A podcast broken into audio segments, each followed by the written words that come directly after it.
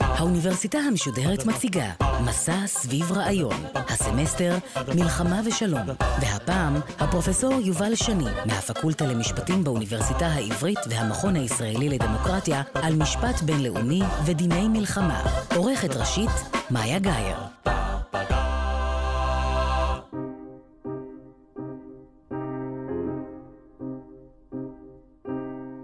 לכם, שמי יובל שני.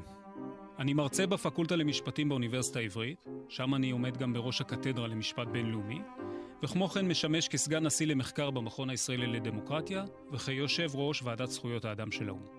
במחקרי אני מתמקד במשפט בינלאומי, בזכויות אדם ובמשפט ההומניטרי. בהרצאה היום אעסוק באופן בו כללי המשפט הבינלאומי מתמודדים עם מצבים של מלחמות בין מדינות, ואנסה להסביר מתי השימוש בכוח צבאי הוא חוקי, מתי הוא לא חוקי, ומה התוצאות המשפטיות של פעולה שלא לפי הכללים המשפטיים. אנו נראה כי למרות הדימוי הבעייתי שלו, למשפט הבינלאומי השפעה ממשית על האופן בו מדינות רבות פועלות במישור פעולה זה. המלחמות מלוות את האנושות מאז שחר ההיסטוריה. למעשה, היכולת להפעיל אלימות מאורגנת ולהתגונן מפני אלימות מאורגנת היא אחד ההסברים להקמתן של מסגרות חברתיות משוכללות, שהמדינה היא הביטוי המודרני המובהק שלהן. ככל שהמלחמות שכיחות יותר ומסוכנות יותר, וזו התפתחות שקשורה בין היתר להתפתחויות טכנולוגיות של כלי נשק ולמעבר מצבא מקצועי לצבא עממי, הרי שהצורך להסדיר את המלחמה נהיה דחוף יותר. ועל רקע זה, זה לא מפתיע שהמשפט הבינלאומי המודרני, שנוצר במאה ה-17 על מנת להסדיר את היחסים הבינלאומיים בין המדינות בעידן שלאחר מלחמות הדת הגדולות באירופה, עסק בצורה אינטנסיבית בהסדרת המלחמה. הואיל ויחסי המדינות התחלקו לתקופות של שלום או מלחמה, גם המשפט הבינלאומי היה מורכב בשני ענפים מרכזיים, דיני השלום ודיני המלחמה. אכן הספר החשוב ביותר במאה ה-17 בתחום המשפט הבינלאומי, אולי הספר הכי חשוב מאז ומעולם במשפט הבינלאומי, ספרו של המשפטן ההולנדי הוגו גרוציוס, שמכונה אבי המשפט הבינלאומי, הופיע תחת הכותרת דיני המלחמה והשלום, The Jur Belli Akpakis. אבל מדוע שהמדינות ירצו בכלל להסדיר את המלחמות שלהן? לכאורה המלחמה הינה תופעה מנוגדת במהותה למשפט. המשפט מבוסס על הסדרה של יחסים בין אנשים ובין מסגרות כלכליות, חברתיות או פוליטיות, בעוד שהמלחמה מתרחשת לאחר שהסדר קרס. בלב המשפט מצויה השאיפה ליישב מחלוקות בדרכים לא אלימות, ואילו המלחמה היא ביטוי אלים של המחלוקת. על רקע זה אפשר להבין את אמירתו המפורסמת של המחוקק הרומאי, קיקרו, סיסרו, כי החוקים שותקים בין אלו האוחזים בנשק, ובלטינית אינטר ארמה אנים סילנט לגס. אבל עמדה זו אינה מקובלת עוד. אם המלחמה היא תופעה חברתית נשלטת, ומתבצעת בהתאם להחלטות של פוליטיקאים ושל אנשי צבא, אשר אינם בעלי יכולת להשליט מרותם על צבאות שלמים, הרי היא ברת הסדרה. אכן ההיסטוריה מראה כי בהקשרים רבים נוצרו מסיבות פרגמטיות, הסדרים במסגרתן מדינות התחייבו לכונן זו עם זו יחסי שלום או אי לוחמה, כן אימצו אמות מידה של הגנה על שבויים ועל אזרחים, וכי כל המדינות הצטרפו לאמנות גלובליות בדבר דיני המלחמה. יתר על כן, עוד מתקופתו של גרוטיוס מקובל כי על המעורבים במלחמה, אנשי הצבא, מקבלי ההחלטות, המורדים בשלטון, לפעול בהתאם לאמות מידה מוסריות בסיסיות, וכי מצב המלחמה אינו משחרר מהחובה לרדוף אחר הצדק. ככל שהמלחמה עלולה לגרום סבל רב יותר ולסכן את שלומן של מדינות אחרות, כך גוברים החובה המוסרית והצורך הפרגמטי למנוע אותה או להקטין את נזקיה. על כן, במידה רבה, סיפורו של המשפט הבינלאומי המודרני הוא סיפור עלילתם של המאמצים למנוע את המלחמה, או לפחות להגביל את ממדיה. הצלחתו או כישלונו של המשפט בהשגת יעד זה הפכה להיות במידה רבה נייר הלקמוס של היותו של המשפט הבינלאומי שיטת משפט יעילה.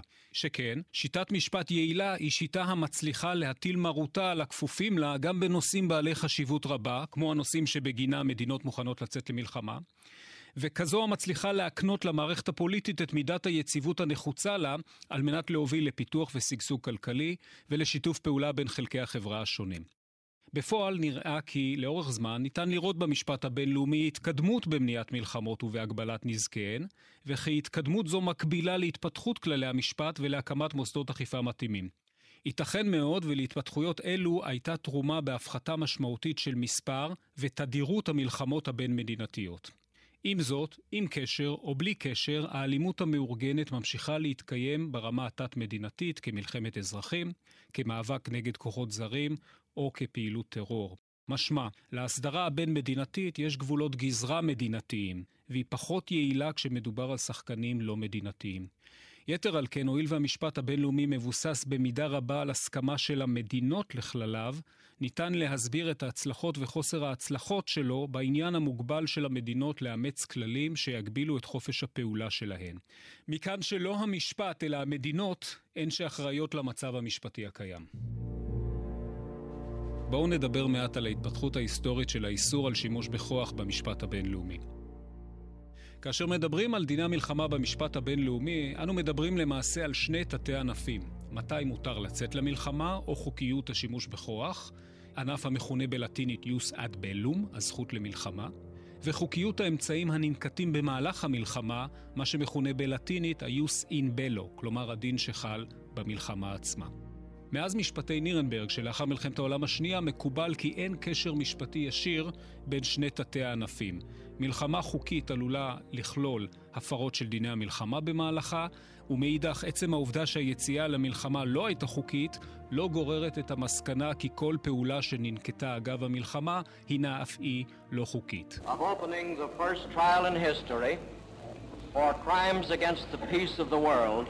The wrongs which we seek to condemn and punish have been so calculated, so malignant and so devastating that civilization cannot tolerate their being ignored because it cannot survive their being repeated. היום אנחנו נתמקד עם זאת בשאלה האסטרטגית של חוקיות השימוש בכוח עצמו, ולא בדינים הספציפיים שחלים במהלך המלחמה, שהם ככלל נקודתיים יותר וטכניים יותר. לגבי חוקיות המלחמה, הכלל שהיה דומיננטי בראשית דרכו של המשפט הבינלאומי, מסוף ימי הביניים ועד המאה ה-19, היה הכלל לפיו אין למדינה זכות לצאת למלחמה נגד מדינה אחרת, אלא אם מדובר במלחמה צודקת. רעיון המלחמה הצודקת שמקורו בתיאולוגיה הנוצרית ראה במלחמה עוול, אך עוול שעשוי להיות הכרחי אם הוא נועד לתקן עוול אחר, למשל, לאכוף את זכויותיה המשפטיות של המדינה התוקפת או של אזרחיה, ולהגן על עצמה או על אזרחיה מפני מתקפה. גם אז, השימוש בכוח היה צריך להתבצע במשורה, על בסיס עקרון המידתיות הקובע כי אין לגרום נזק לצד האחר, באופן שאינו מידתי לעוול שהוא בא למנוע או לתקן. דוגמה מפורסמת ליישום תפיסות אלו ניתן למצוא בהתנהלות בריטניה וארצות הברית סביב פרשת האונייה קרוליין. מדובר היה באונייה אמריקאית שסיפקה ציוד ונשק למורדים נגד השלטון הבריטי בקנדה. בשנת 1837, במסגרת המאמצים לדכא את המרד, כוח צבא בריטי חדר לשטח ארצות הברית, השתלט על אוניית האספקה והטביע אותה. בתקיפה נהרג אחד ממלאכי האונייה, והדבר גרם לתקרית דיפלומטית חריפה בין בריטניה וארצות הברית, שהסתיימה בחילופי מכתבים שבהם הגדירו הצדדים את אמות המידה המשפטיות להפעלת כוח במקרים מסוג זה. על פי כללי קרוליין המקובלים עד היום, על מנת שמדינה תפעיל כוח בשטחה של מדינה אחרת, עליה להראות כי הפעולה נחוצה למנוע מתקפה עליה עצמה, כי הצורך מיידי, משמעותי, כי לא ניתן לטפל בו בדרכים אחרות, וכי התגובה מידתית לאיום שנשקף. בנסיבות אלה ניתן לראות בשימוש בכוח, שימוש בכוח מוצדק. בצד התפתחות דוקטרינת המלחמה הצודקת התפתחה במאה ה-19 גם גישה חלופית, פוזיטיביסטית, להסדרת השימוש בכוח. לפי גישה זו, המלחמה הינה דרך באמצעותה מדינות מקדמות את האינטרסים הלאומיים שלהן, מה שהגנרל פון קלאוזוביץ' כינה המשך הדיפלומטיה בדרכים אחרות, וכי מה שנתפס כצודק בעיני האחד נתפס כבלתי צודק בעיני האחר. על כן מה שצריך לקבוע הוא אם מדינות הסכימו על אמות מידה משפטיות ספציפיות שיגבילו את כוחן לצאת למלחמה. במאה ה-19 הדין הסתפק בדרישה פוזיטיבית כי תהיה הכרזת מלחמה פורמלית, וכי על מדינות שלישיות לשמור על ניטרליות אם ברצונן להישאר מחוץ למעגל המלחמה. במקביל לכך, התפתחו במחצית השנייה של המאה ה-19 דיני לחימה שנועדו להפחית את נזקי המלחמה, להגן על פצועים, אזרחים וחיילי אויב מפני פגיעה לא נחוצה ומופרזת. כמו כן, התפתחו בסוף המאה ה-19 וראשית המאה ה-20 מוסדות של יישוב סכסוכים בדרכי שלום שנועדו להגביר את הסיכוי שפתרון לסכסוך יימצא בדרכים שייתרו את הפנייה לאמצעים צבאיים. כמובן, הסדרה רכה זו של המלחמה התבררה כבלתי מספקת. היעדר מגבלה של ממש על יציאה למלחמה, והיעדר אכיפה יעילה אפילו של המגבלות המועטות עליהן הוסכם, הובילו מדינות להיכנס למרוץ חימוש ולהיכנס למערכת של בריתות של ערבות הדדית. מלחמת העולם הראשונה, שלפני זמן קצר ציינו מאה שנה לסיומה, נגזרה במידה רבה מהתחרות ההולכת וגוברת בין המעצמות על דומיננטיות אזורית וגלובלית, ומהפוטנציאל של סכסוך מקומי להפוך לעולמי כתוצאה ממערכת הבריתות הקיימות. המלחמה, שהתיימרה לשים קץ לכל המלחמות, ומחיר הדמים הכבד שהיא גבתה, עשרה מיליון לוחמים וכשמונה מיליון אזרחים, הובילה לשינוי משמעותי באופן בו הקהילה הבינלאומית מאורגנת. לראשונה, נוצר ארגון קבע פוליטי בו סכסוכים בינלאומיים נועדו להתברר, חבר הלאומים, והאמנה המקימה אותו ניסתה להגביל בצורה משמעותית את זכותן המשפטית של המדינות החברות בארגון לצאת למלחמה. Nation by nation, the delegates stand up for the great new charter they hammered out together. 50 nations standing side by side, unanimous for peace. בבסיס ההסדר שנקבע בסעיף 12 לאמנת חבר הלאומים, מצוי הרעיון כי היציאה למלחמה חייבת להיות אמצעי אחרון, ולא ראשון. אשר על כן, המדינות נדרשו לנסות ליישב את הסכסוך באמצעים שיפוטיים או דיפלומטיים במסגרת חבר הלאומים, להמתין שלושה חודשים לאחר ההכרעה השיפוטית או הדיפלומטית, ורק אז הן יכלו להפעיל כוח על מנת לאכוף את ההחלטה. הפרה של הכללים האלה יכלה להוביל לסנקציות כלכליות או צבאיות נגד המדינה שפעלה בניגוד להן. בפועל, חבר הלאומים החליט להטיל סנקציות על איטליה בקשר לפלישה הבלתי חוקית שלה לאתיופיה בשנת 1935, אך השפעתן של הסנקציות הייתה מוגבלת. מכל מקום, עם פרישת גרמניה, יפן, ברית המועצות ואיטליה מחבר הלאומים, ולאור העובדה שארצות הברית לא הייתה מעולם חברה בחבר הלאומים, ההסדר שנקבע באמנה איבד בסוף שנות ה-30 את הרלוונטיות שלו. עוד נקודת ציון היסטורית חשובה בדרך לאיסור הגורף של המלחמה, הינה אמנה שנחתמה בשנת 1928, בה כל מדינות העולם התחייבו שלא להשתמש במלחמה ככלי לקידום האינטרס הלאומי שלהן. למרות שההסכם, הסכם פריז, נכשל, הוא תרם להתפתחות הנורמה כי מלחמה תוקפנית אינה חוקית ואינה יכולה למשל להוביל לסיפוח טריטוריה חדשה. זהו למשל הבסיס שמכוחו האמריקאים סירבו להכיר בכיבוש היפני של מנצ'וריה בשנת 1931. עם זאת, ברור שהניסיונות למנוע את המלחמה לפני מלחמת העולם השנייה כשלו כישלון חרוץ. בהיעדר מנגנוני אכיפה אפקטיביים, יישום הכללים היה מותנה ברצונן הטוב של המדינות. ובעולם בו פעלו מדינות טוטליטריות שנאבקו בסטטוס קוו וראו בשלטון החוק הבינלאומי כמטרד, דינם של ההסדרים המשפטיים נחרץ. ההרס והחורבן של מלחמת העולם השנייה, אשר גבתה מחיר עצום של קורבנות, 24 מיליון לוחמים וכ-50 מיליון אזרחים, ופיתוח הנשק הגרעיני, הובילה את כל המדינות לחפש דרכים למנוע בכל מחיר מלחמת עולם נוספת.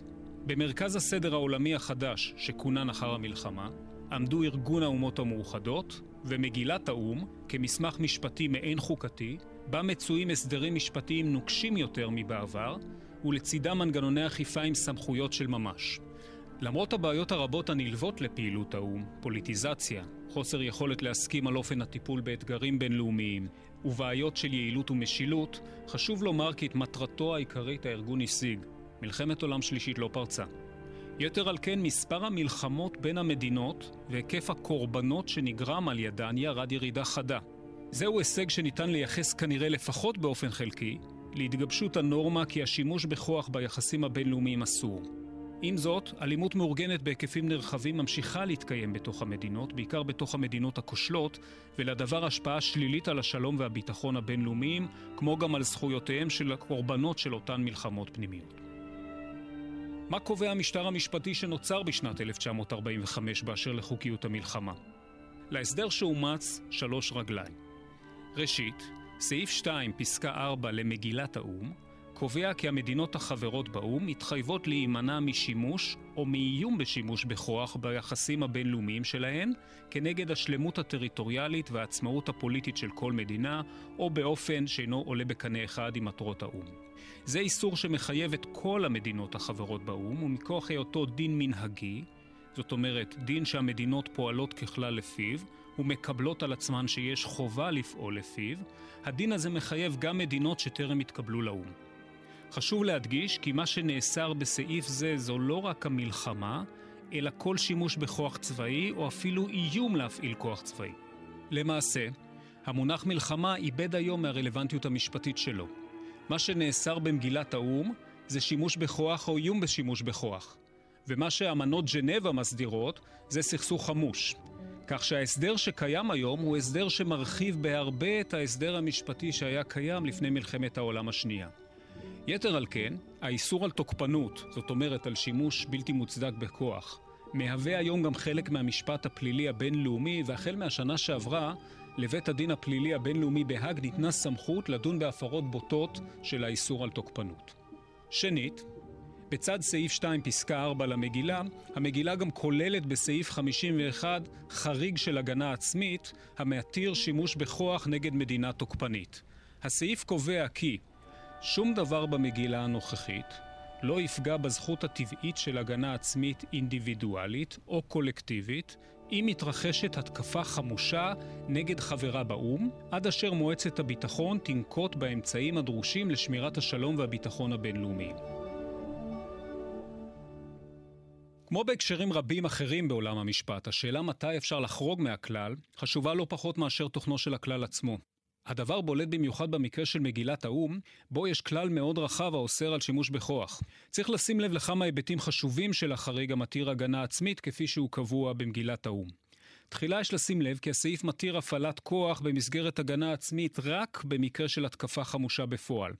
זאת אומרת, לא כל מקרה של שימוש אסור בכוח יקנה זכות להגנה עצמית. למשל, תקרית גבול נקודתית או תמיכה לוגיסטית במורדים שנמצאים בשטח של מדינה זרה ייחשבו כשימוש אסור בכוח, אך לא יעלו כדי התקפה חמושה המצדיקה שימוש בכוח נגדי.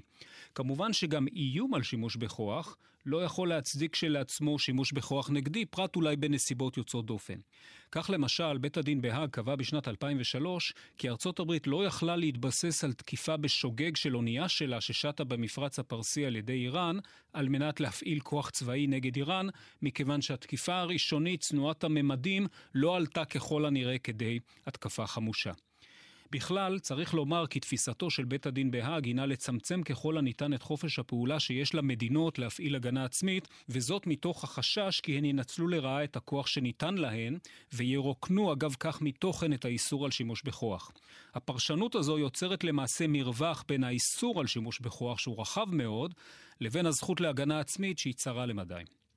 לשיטת בית הדין, על מדינות שאינן זכאיות להפעיל בעצמן זכות להגנה עצמית לפנות למועצת הביטחון, על מנת שזאת תסייע להן להתמודד עם המצב. זוהי הטיה שיש לבית הדין אל עבר ממשל בינלאומי רב-צדדי, לעומת פעולה חד-צדדית. ביטוי נוסף לגישה המצמצמת של בית הדין בדבר היקף השימוש בכוח והגנה עצמית ניתן למצוא בחוות הדעת שלו משנת 2004 בפרשת הגדר או החומה בשטחים, שם הוא קבע כי לא ניתן להפעיל זכות חד צדדית של הגנה עצמית במקום שבו השימוש בכוח נבע מגורם שאינו מהווה מדינה. זו עמדה שספגה ביקורת רבה, כולל מבית המשפט העליון שלנו בפרשת מראבה או אלפי מנשה משנת 2005, שם העיר הנשיא אהרן ברק כי השאלה אם מקור התקיפה נגד ישראל הוא מדינה או לא, אינה מעלה או מורידה ביחס לחובת המדינה להגן על אזרחיה. עם זאת, ניתן היה לציין כי עצם טענת ישראל כי הקמת הגדר הינה אקט של הגנה עצמית, הינה טענה שגויה מבחינה משפטית. את הגדר יש לסווג כאמצעי לחימה, אם בכלל, ולא כפעולה של פתיחה במלחמה, אותה יש לבחון לאור סעיף 2 פסקה 4 למגילת האו"ם. נימוק משכנע יותר שבית הדין העלה בחוות הדעת, הינו כי ישראל אינה זקוקה כלל לזכות ההגנה העצמית על מנת להשליט חוק וסדר בשטחים המצויים תחת שליטתה, במשטר כיבוש או בשמו המקצועי, תפיסה לוחמתית.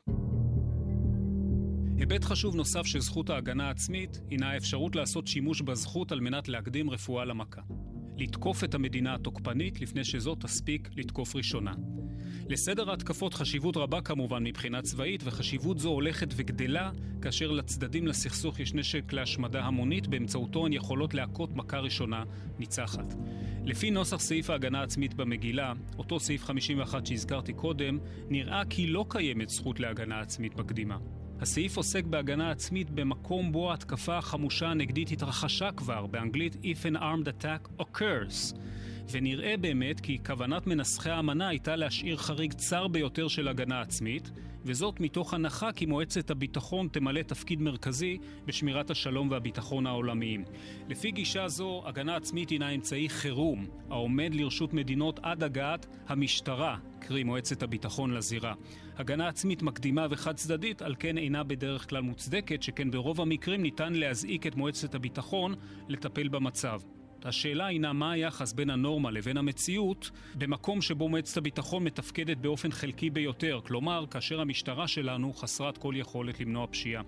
נראה כי הפרקטיקה תומכת בהרחבה מסוימת של הזכות להגנה עצמית, גם למקרים של התקפה ממשמשת ובאה, וזו בסופו של דבר העמדה אותה אימצה בשנת 2004 ועדת מומחים בכירים שמינה מזכ"ל האו"ם. בכל מקרה, גם אם מכירים בזכות להגנה עצמית מקדימה, יש להגדיר מהו המרחק בזמן מהמתקפה, ומהי רמת האיום בו יש לאפשר למדינה להגיב. לפי פרופסור יורם דינשטיין מאוניברסיטת תל אביב, המבחן המתאים הוא האם המתקפה הצפויה עלתה על נתיב שאין ממנו חזרה. למשל, אם מטוסי התקיפה של יפן החלו להמריא אל עבר פרל הרבור, מאותו הרגע המלחמה למעשה נפתחה. שני המקרים המובהקים בהם ישראל העלתה בפורומים בינלאומיים את הטענה כי פעלה במסגרת הגנה עצמית מקדימה. הם אחד, מלחמת ששת הימים, שם ישראל טענה כי תקיפתה בחמישי ליוני 1967 באה להקדים תקיפה קרובה של מדינות ערב, אשר אינדיקציות לגביה באו לידי ביטוי בסגירת מיצרי טיראן, גירוש משקיפי האו"ם מסיני, הצהרות פומביות על הכוונה להשמיד את ישראל וריכוזי כוחות אויב בגבול, והמקרה השני הוא תקיפת הכור בעיראק בשנת 1981, שם ישראל טענה כי למרות שלא היה צפי לתקיפה קרובה בזמן שלה מצד עיראק, המועד לתקיפת הכור נבחר על ידה על רקע העובדה כי זמן קצר לאחר מכן הוא אמור היה להפוך להיות לכור מבצעי, דבר שהיה הופך את הפגיעה בו לבעייתית הרבה יותר. סדאם חוסיין! העריץ הדמים הזה! הכין בשביל הילדים שלנו את הרעל של רדיואקטיביות שתצא מפצצות אטומיות והיה מטיל אותן בלי רחמים על תל אביב, על פתח תקווה ועל ירושלים כדי לחסל את העם היהודי בארצו. בעוד שהייתה תמיכה בינלאומית מסוימת לעמדת ישראל בקשר למלחמת ששת הימים, עמדתה ביחס לתקיפת הכור נדחתה על ידי המדינות האחרות. אכן העמדה כי הזכות להגנה עצמית מקדימה כוללת גם את הזכות לשלול ממדינה יריבה את האפשרות להתחמש בנשק שיוכל לסכן אותה בעתיד, מנוגד לרעיון שהגנה עצמית הינה האמצעי אחרון בו יש להשתמש אך ורק בשעת חירום. במקרים כאלה יש מספיק זמן לפנות ולבקש עזרה ממועצת הביטחון. שאלה נוספת בה אדון בקצרה נוגעת לתכולת הכללים שהתגבשו סביב הטבעת האונייה קרוליין, שאותה הזכרתי קודם, לגבי הנסיבות בהן שימוש בכוח הוא מוצדק, על פעולות של הגנה עצמית מכוח החריג הקבוע במגילת האו"ם. לפי הפסיקה העקבית של בית הדין הבינלאומי בהאג, כל פעולה של שימוש בכוח צריכה להיות נחוצה ומידתית. כך למשל, בנושא השימוש בנשק גרעיני, בית הדין קבע בחוות דעת שפרסם בשנת 1996 כי מדינה תוכל להפעיל נשק גרעיני, אם בכלל, רק אם עצם קיומה מונח על כפות המאזניים. זהו ביטוי לרעיון כי השימוש בנשק כזה צריך להיות מידתי לאיום שנשקף למדינה מהסיטואציה.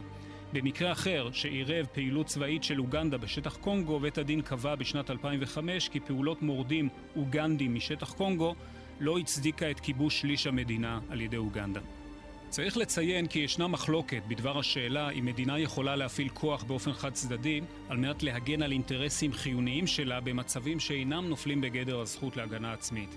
למשל, כאשר היא מבקשת להגן על אזרחיה בחו"ל, כמו ישראל בפרשת אנטבה בשנת 1976, או כאשר היא מבקשת להפסיק טבח המתבצע במדינה אחרת, כמו שכוחות נאט"ו התערבו בשנת 1999 על מנת להפסיק את הפשעים הנרחבים שבוצעו בקוסובו על ידי השלטון הסרבי. רוב המומחים סבורים כי פעולות אלה מוצדקות אולי מבחינה מוסרית ופוליטית, אך לא חוקיות. בפועל, צריך לומר כי מדינות שביצעו פעולות כאלה, לעתים קרובות לא נענשו בגינן. משמע, יש הכרה רחבה בכך שהמשפט לא נותן במקרים כאלה מענה מספיק למצבי קיצון, בהם מועצת הביטחון לא ממלאת את חובותיה לפי מגילת האו"ם. לבסוף, יש להזכיר כי חריג ההגנה העצמית מאפשר למדינה להפעיל כוח גם על מנת להגן על עצמה מפני התקפה, אך גם על מנת להגן על מדינה אחרת שהותקפה לפי בקשתה. זה היה אחד הבסיסים המשפטיים עליהם ארצות הברית ובעלות בריתה הסתמכו במלחמת המפרץ הראשונה, כאשר הם באו לעזור לממשלת כווית לפי בקשתה להדוף את פלישת עיראק לשטחה. כפי שהזכרתי קודם, בצד האיסור על שימוש בכוח וחריג ההגנה העצמית, יש להסדר שנקבע במגילה גם רגל שלישית, וזהו מנגנון הביטחון הקולקטיבי. מגילת האו"ם מעניקה למועצת הביטחון, בה חברות 15 מדינות, מתוכן חמש חברות קבועות עם זכות וטו, את האחריות העיקרית על שמירת השלום והביטחון העולמיים. חשובות במיוחד בהקשר זה סמכויות החירום שניתנו למועצה לפי הפרק השביעי למגילה, בנסיבות אותן המועצה עצמה הגדירה כאיום על השלום, הפרה של השלום או מעשה של תוקפנות. מדובר כמובן בהכרעה פוליטית ולא משפטית. למשל, מאז מלחמת העצמאות המועצה לא הגדירה את הסכסוך הישראלי-פלסטיני כמקרה חירום, אך היא כן עשתה שימוש בסמכות זו ביחס למקרים אחרים, כמו המצב בעיראק ב-1990, מלחמת האזרחים ביוגוסלביה בשנות ה-90, הפיגועים במגדלי התאומים בשנת 2001, המצב בלוב ב-2011 ועוד כהנה וכהנה.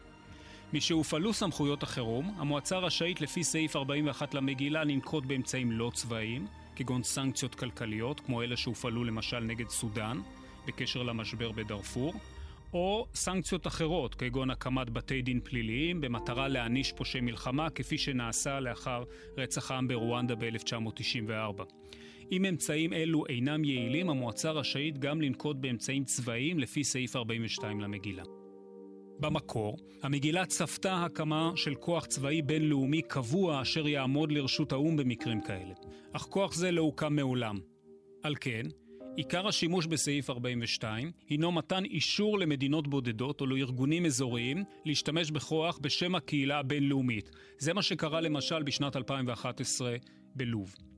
בשנת 2003 ארצות הברית ניסתה ולא הצליחה לקבל אישור מפורש ממועצת הביטחון לפעולה שלה בעיראק, על מנת לאכוף את משטר הפיקוח נגד פיתוח נשק השמדה המונית שהוטל על עיראק לאחר מלחמת המפרץ הראשונה. At the mercy of an outlaw regime that threatens the peace with weapons of mass murder.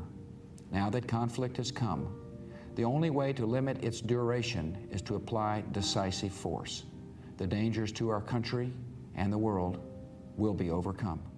רוב המשפטנים הבינלאומיים סברו כי החלטה 1441 של מועצת הביטחון, שהזהירה את עיראק מפני תוצאות שעשויות להיגרם לה עקב אי שיתוף פעולה עם הפקחים הבינלאומיים, לא הסמיכה את ארצות הברית להפעיל כוח נגדה, ומסיבה זו, הפלישה לעיראק הייתה בלתי חוקית. העובדה כי לא נתגלה בסופו של דבר נשק להשמדה המונית מחזקת את המסקנה כי החלטה מסוג זה, הנוגעת לביטחון ולשלום העולמיים, צריכה הייתה להתקבל באופן קולקטיבי ולא על ידי מדינה בודדת אחת, חשובה ככל שלא תהיה. ניתן להזכיר בקצרה כי לאו"ם גם תפקיד של שמירת שלום באמצעות כוחות שמירת שלום כגון יוניפיל, אך הואיל ותמיד נדרשת הסכמת המדינה המארחת לפריסת הכוחות, השימוש בכוחות הללו לא מהווה סוג של שימוש בכוח, אלא סיוע לייצב הפסקת אש או להשכין שלום בין המדינות.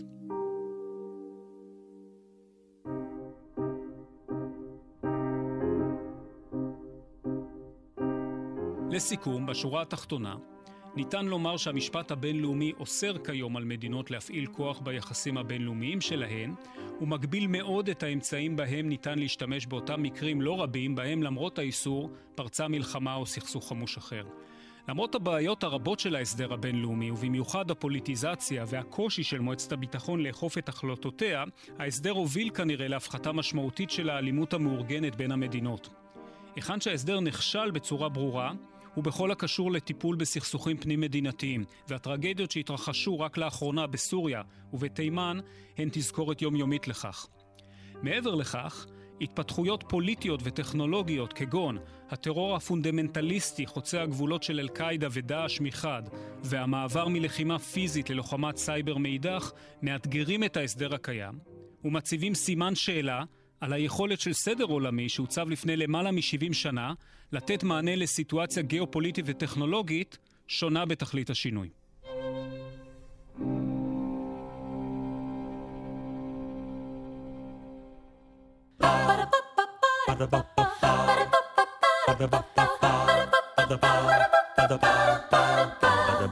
האוניברסיטה המשודרת, מסע סביב רעיון. הפרופסור יובל שני, מהפקולטה למשפטים באוניברסיטה העברית והמכון הישראלי לדמוקרטיה, על משפט בינלאומי ודיני מלחמה. עורכת ראשית, מאיה גאייר. עורכות ומפיקות, נוגה סמדר ונעמי שלו. מפיק ראשי, נחום וולברג. האוניברסיטה המשודרת, בכל זמן שתרצו, באתר וביישומון גלי צה"ל ובדף הפייסבוק של האוניברסיטה המשודרת.